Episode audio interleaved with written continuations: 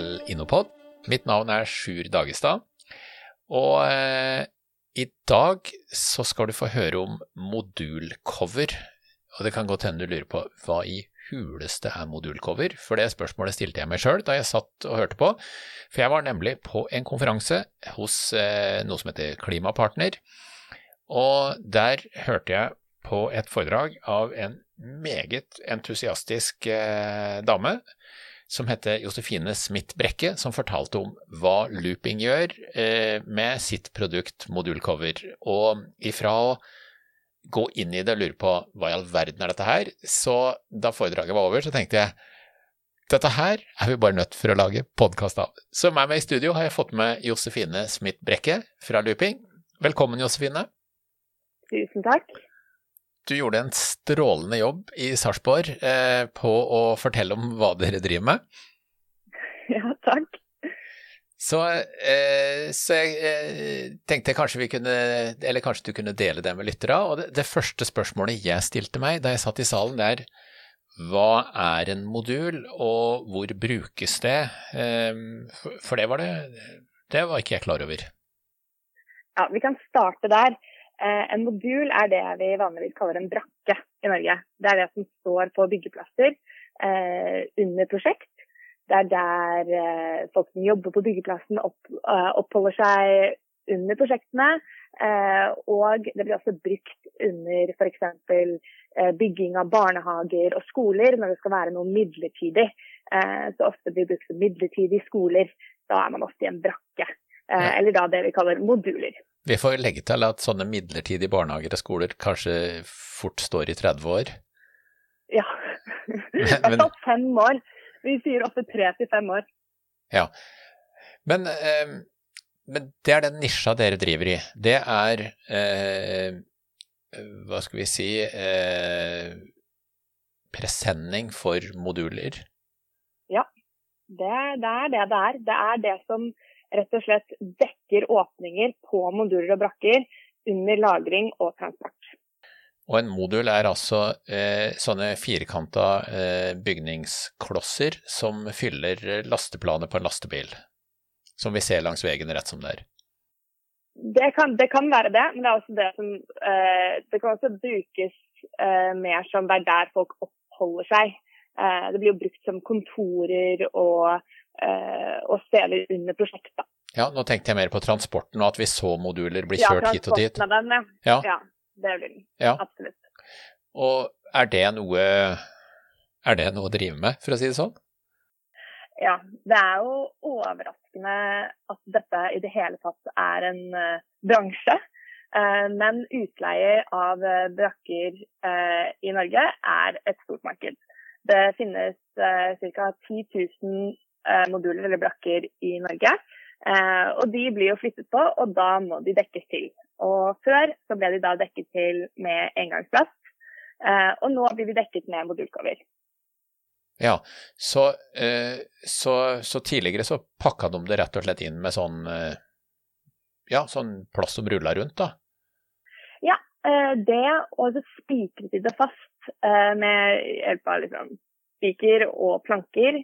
Eh, og det brukte de ca. 45 minutter på. Eh, og nå er det jo med modulcover, så liksom klipper de Eller de bare bruker egentlig bare sånne eh, fester til å ta det på. Og da bruker de ca. 5-7 minutter på å sette på et modulcover. Ja, så det er enorm tidsbesparelse på å pakke det inn og pakke det ut? Absolutt. Enorm. Og så er det enorm besparelse på eh, forurensningsbiten, altså avfallsproduksjonen. Absolutt. Veldig, du, veldig stor. Kan du si noe om eh, hva, hva, er sånn før og nå, hva, hva er forskjellen? Ja, eh, så vi kan ta et av produktene våre som et eksempel. Eh, vi har f.eks. det som heter det vi kaller et modulkoverett-kapell, som ja. dekker da en hel, en hel sånn stor brakke så, eller modul som blir brukt til f.eks. barnehager. Eh, og Den gamle metoden tok ca. 1 time og 45 minutter å montere. Eh, brukte eh, om lag 18 kg plast og førte til 36 kg med avfall. Eh, og måtte også ha to kranløft. Mens eh, den nye metoden, da med vårt kapell, så bruker man syv minutter på å montere. Den fører til null kilo med avfall. Eh, du trenger bare ett kranløft. Eh, og da gjør du også, ikke sant, det er ikke bare dette med plast og tid. Eh, men selvfølgelig så er det lettere å håndtere, og det forbedrer helse, miljø og sikkerhet for arbeiderne.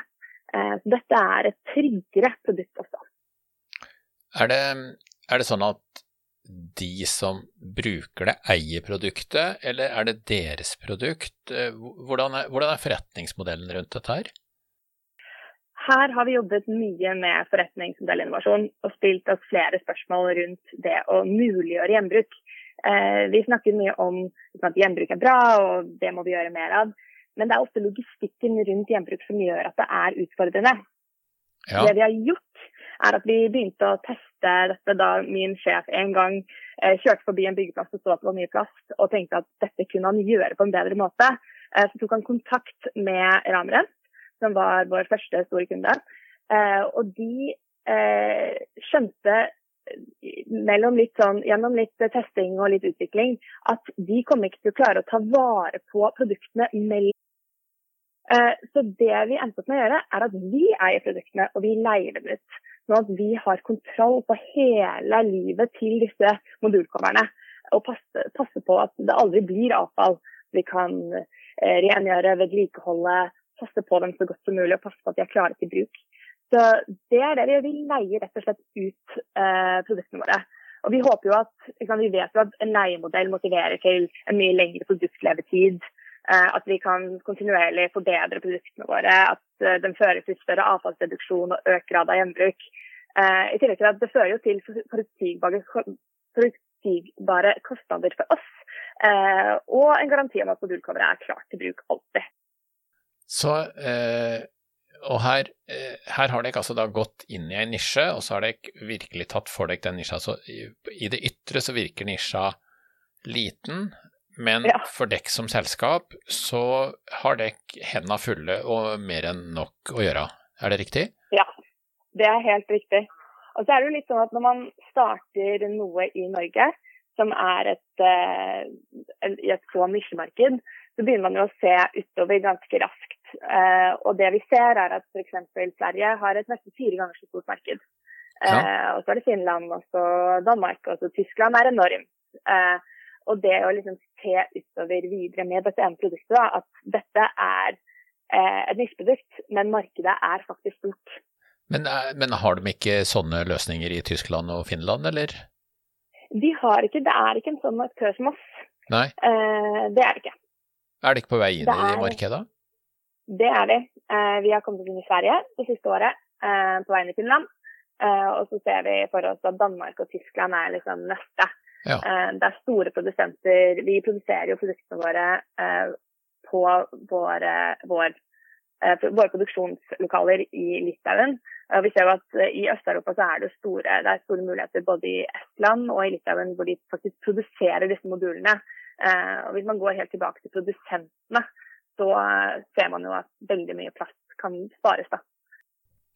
Det var, eh, Da jeg hørte på foredraget ditt, jeg så jo, du viste jo en film, eh, og den var veldig sånn informativ, for den viste jo sånn mm. i, i, veldig tydelighet hvor mye søppel ble det før, og hvor lang tid brukte du, og hvor mye, eller hvor lite søppel blir det nå, og hvor kort tid bruker du. Men, eh, men du representerte også noe annet da jeg hørte på foredraget ditt, og det var måten å tenke på. Og jeg skal ta en liten betraktning, eh, for nå, blir det en personlig betraktning, men noe jeg har forundra meg litt over i det norske samfunnet. Fordi i dag så kan du gå på BI og ta eh, mastergrad i bærekraft. Men, men, mine besteforeldre de hadde mastergrad i bærekraft. Eh, fordi de drev med gjenbruk hele tida, og de levde i en annen tid hvor gjenbruk var de var, gjennom, de var, marinert i gjenbruk. Og så har vi nå i forbrukssamfunnet vårt hatt i hvert fall to generasjoner med bruk og kast, og vi har mista noe av den kompetansen.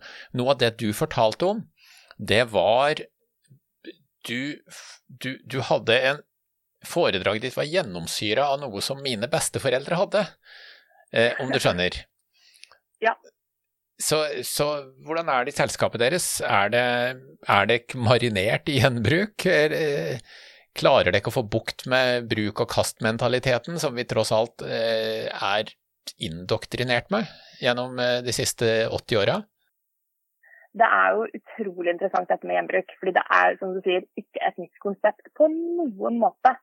Eh, men det er interessant hos oss er jo liksom det å gå inn i en tradisjonell bransje hvor spesielt dette med emballasje. Emballasje blir jo tenkt på som et bruk og kast-produkt. Eh, alt emballasje man tenker emballasje, tenker man sånn ah, det er noe jeg, som maten kommer i, og så kaster vi det etterpå. Ja. Eh, og det er det samme i byggebransjen. ikke sant? Det blir dekket i plast, og så, og så brukes produktene, og så kastes plasten. Uh, og, og det, det, som er interessant med dette gjenbrukskonseptet, er at med en gang de begynner å introdusere det på byggeplassene, så selv om det er skal, må, altså, nye rutiner må til, eh, nye måter å jobbe på må til, Samtidig som folk skjønner det utrolig fort og tenker at dette er selvfølgelig et mye bedre alternativ eh, enn at vi skal drive og sorter, liksom, sorteringsgraden på eh, byggeplassene blir strengere og strenge, strengere. og det er alle disse nye reglene og rutinene som kommer inn hele tiden. Så det å introdusere noe som er hei, dette skal ikke kastes, det er egentlig ganske enkelt. Eh, og det er veldig gøy å komme og snakke om, fordi, fordi gjenbruk er så, et så klassisk konsept. da. Ja, ja, men, men, samtidig så har, en, så har, vi en, utfordring i samfunnet. Eh, jeg var på hyttetur her eh, for eh, en tid tilbake. Og, og, da skulle det kastes mat, og jeg ville ikke kaste det, for det, det, verdimessig så byr det meg imot. Så jeg sa det at du kan kaste det, men jeg vil ikke gjøre det. Og da var det mm. vi som var de rare, som ikke ville kaste maten. Ja, det er, det er så merkelig hvordan det har blitt sånn at man ikke skal bruke ting helt opp. Uh, og jeg så det i helgen, så jeg jobber frivillig for noe som heter Future Leaders Global. Uh, og vi hadde vår første samling da vi samlet i ca. 60 uh, unge, lovende ledere i et rom for å drive med selvutvikling. Ja. og vi arrangerte en lunsj, og når helgen var over, så hadde vi jo mat igjen. og da satte vi alt frem, og så sa vi det er mange av dere som er studenter, og det er mange av dere som egentlig bare ikke vil kaste mat. Vi vil gjerne at dere tar med dere det dere kommer til å spise hjem. Ja. Fordi vi vil passe på at dette går. ikke sant? Og det konseptet med å bare ikke kaste ting før det er liksom helt brukt, eh, det, det, det, tenker jeg er så viktig. da, Og den, den forbrukermentaliteten, der må noe Jeg kan ikke helt si forandre seg, men her må vi gå litt tilbake i tid. Vi må få tilbake den mentaliteten hvor man bruker ting så godt som mulig. At vi heller reparerer det, at vi heller vedlikeholder og heller passer på tingene våre godt og bruker det igjen og igjen. Eh, og Det samme gjelder jo med klær og det samme gjelder jo med alle mulige produkter. og Det er det vi ser med modulcover. da, er at Når vi får sjansen til å ta vare på produktene våre og vaske dem og vedlikeholde dem, så er det ikke bare sånn at disse produktene våre holder seg bedre, men det er mindre skader på modulene også. Ja. Eh, så Våre produkter passer liksom også bedre på et annet produkt. Eh, og det er så fint. da, Da varer ting lengre. Og hvis, og hvis, det går i stykker, så, så reparerer dere eh, coveret, eller presenningen, eller hva vi skal kalle det? Ja, vi reparerer. Eh, det er det vi gjør. I tillegg til at alt som har hvis, hvis, noe ikke kan brukes lenger, for selvfølgelig så kommer jo ting til et punkt. Ting blir eh, behandlet på, no, på, en røff måte. Det er byggeplass, det er eh, lange kjøreturer, det er disse tingene som gjør at selvfølgelig dette blir et, det er et hardt brukt produkt. Ja. Og hvis det, ikke, hvis det, ikke, kan brukes lenger, da bruker vi da de produktene som innsatsfaktor inn i nye produkter. For så tok vi gamle produktcover og lagde dem inn til stropper til nye produkter. Okay, eh, ja. Vi prøver ikke kaste noe. og det er jo litt den der, Man snakker mye om sirkulærøkonomi. Man hører mye om det, og det er disse kursene på BI, og selvfølgelig så er jo dette et helt fantastisk konsept. Men det å drive med sirkulærøkonomi i praksis er, er, jo liksom noe litt annet. Det er virkelig å tenke alt skal gå i sirkel. Ingenting skal gå til avfall. Vi må tenke sirkulært i alle ledd. Eh, og da introdusere sånn OK, men dette kan vi ikke bruke lenger i samme, det er ikke samme standard. Hva kan vi gjøre med disse materialene nå? Jeg har eh, eh, Det er lett å snakke om det, og det er lett å si det, og det er lett å tenke det, men å gjøre det er mye vanskeligere. Og, eh, og, en av grunnene til at jeg ville ha det med i podkasten, Josefine, det er jo at eh, jeg ble sittende med en veldig sånn tydelig følelse av at dere eh, gjorde det. I motsetning til mange som bare prater på hvor, eh, hvor viktig det er og hvordan det skal være osv., så, videre, så så har dere møkk under negla, for å bruke et godt norsk uttrykk. ja. Ja. Jeg tror det handler om at vi hele veien har tenkt at dette skal være et firma som skal også vare så lenge som mulig. Vi vil et eh, Vi vil skape et, en kultur for at ting kan gjenbrukes. For at vi kan utfordre forretningsmodellen ved å si hva hvis vi leier det ut, sånn at vi kan passe på det hele veien. Hvordan kan vi gjøre det lettest mulig for vår kunde? Og det er jo det som er interessant, er at vi har hele veien hatt brukeren og kunden i fokus. Og det er jo det som har gjort at dette produktet er såpass effektivt på så mange områder. Jeg, jeg, har lyst til å bare kaste fram et litt annet spørsmål òg. Eh, fordi eh, det er helt klart at, eh, at eh, din oppførsel på scenen eh, var sterkt medvirkende til at eh, vi i salen ble veldig entusiastiske og engasjerte. Men hvorfor driver du med dette her? Det er, det er selvfølgelig et veldig godt spørsmål. jeg driver med dette fordi jeg syns det er utrolig gøy å drive med innovasjon i tradisjonelle bransjer. Ja. Eh, jeg tok en mastergrad i business i Lisboa og har hele veien fokusert på ok, dette er store, hvis det er store industrier og man introduserer innovasjon i dem, så er virkningene så veldig mye større. Når eh, man forandrer bruk av et eller annet i oljebransjen, så har det så store ringvirkninger. Eh, besparelsene er såpass store med en gang. Da. Og Det er det jeg syns er mest interessant med akkurat dette. er at vi driver rett og slett og skaper nye rutiner i en tradisjonell bransje. Ja. Hvor ting har blitt gjort likt alltid. Eh, og det er der min drivkraft kommer fra. Da. Er det å se at vi kan skape eh, nye bransjestandarder i eh, store industrier. Ja, og det er også eh, en av drivkreftene til at jeg vil ha det med i podkasten. Fordi eh, du kan si den nisja dere er i, den er forsvinnende liten sånn i den store sammenhengen. Ja. Men måten dere tenker på, opplevde jeg som veldig riktig og veldig entusiastisk. Og der er dere eh, langt over mange andre i bransjen. Mm. Så, og så har du litt med at dette med nisjeproduktene, det er jo én ting. Men hvis man klarer å få til en bærekraftig forretningsmodell med et modulcover, så kan jo hvilket som helst andre gjenbruksprodukter gå inn i denne samme forretningsmodellen. Ja, nettopp. Ja. Og det ikke er så vidt begynt, så det er jo spennende hva framtida bringer.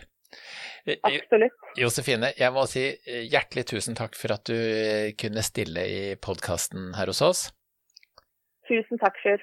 Og til deg som lytter, så må jeg også si tusen takk for at du hørte på oss, og nå har du også da vært med på et, et nisjeprodukt eh, som ikke er stort i seg sjøl i den store sammenhengen, men eh, tankegangen og måten å gå fram på osv., den eh, står det det er ingenting eh, som står tilbake der, så det er fullt på høyde med, med virkelig eh, det fremste. Så hjertelig tusen takk for at du hørte på oss. Mitt navn er Sjur Dagestad, og lydmannen er Petter Strøm. Og jeg må ønske deg velkommen tilbake til en ny podkast.